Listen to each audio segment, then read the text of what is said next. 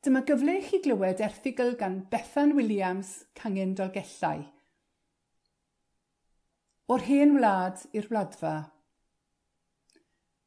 Yn ddiweddar aeth dwyryd fy ngŵr a minnau ar daith i Batagonia. Biom yn y wladfa o'r blaen yn 2012, ond roedd yn awyddus iawn i ail ymweld, a hynny am ddau reswm penodol. Yn gyntaf, Mae'n lle mor arbennig, a'r croeso a'r brwdfrydedd yno yn wych. Ac yn ail, mae'r rhan fwyaf o deulu estynedig dwyryd yn byw yno. 17 cyfyrder. Ac roedd ddim eisiau cyfarfod y rhai ohonynt eto. Y tro hwn roedd ddim yn rhan o daith trabodau a ddod i threfnu yn ardderchog gan teithiau tango.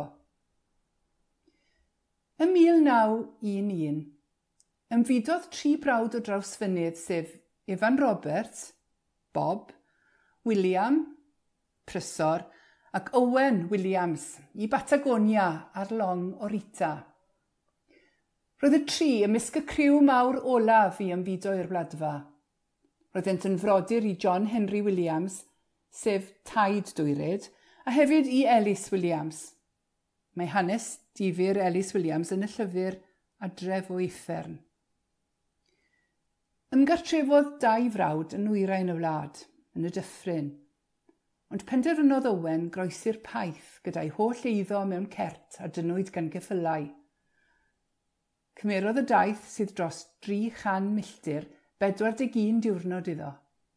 Adeiladodd fwthyn o glau a gwellt yn Trefelin a chwblhawyd y gwaith y 1920 gan enwi'r bwthyn yn Glandŵr.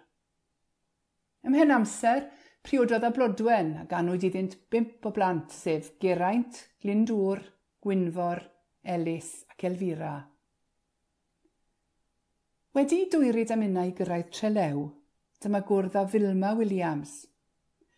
Mae Filma yn ferch i'r diweddar Geraint a'i wraig Una, a magwyd hi a'i brawd Nestor ar fferm yn Rhefelyn.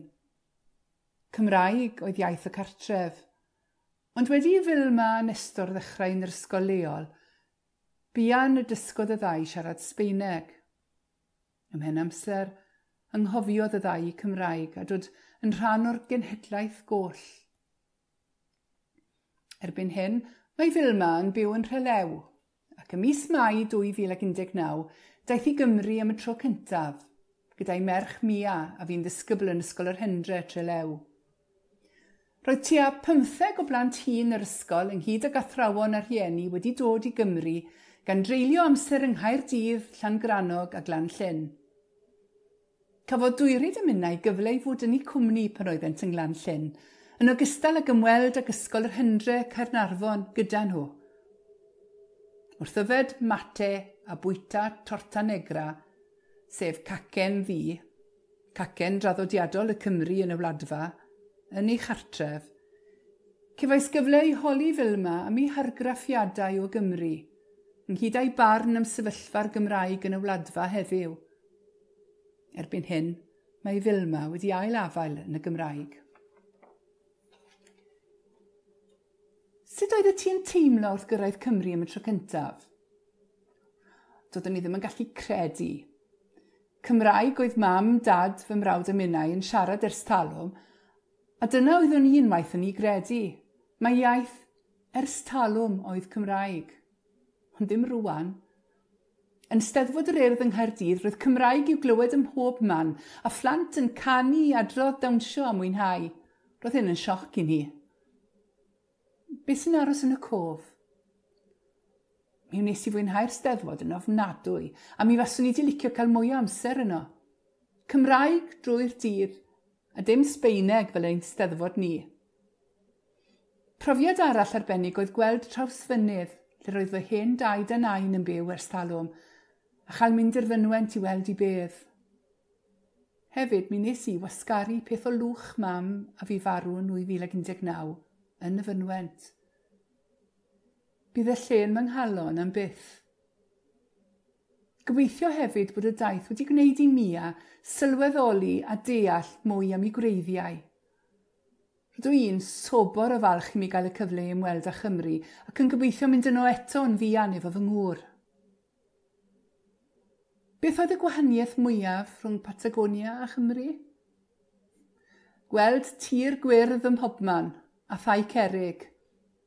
Hefyd, ffyrdd troellog, gwahanol iawn i lawer o ffyrdd Patagonia –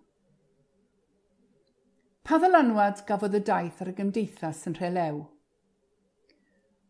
Roedd mam yn sôn llawer am Gymru, er na fi hi erioed yno, gormod o bosib, roedd hyn yn gwneud i mi ddiflasu. Rwan yn rhelew, mae pobl yn dechrau derbyn bod gwerth i'r Gymraeg. Mae ysgol yr Hendry yn gwneud gwaith ardderchog a'r plant yn cael cyfleoedd gwych dawnsio, canu, heb sôn am dysgu iaith arall fydd yn helpu dyfodol wrth barhau gyda'i haddysg a dechrau gweithio pan byddant yn hun. Mae cymryd rhan mewn eisteddfodau a gwasanaethau yn rhoi hunan hyder a gwerthoedd cadarn iddynt. Mae rhieni trelew yn dweud, dyna dwi eisiau fy mhlant i. Darllenwyd gan Elin Williams, Cangen Llanbedr Pon Steffan, Rhanbarth Ceredigion.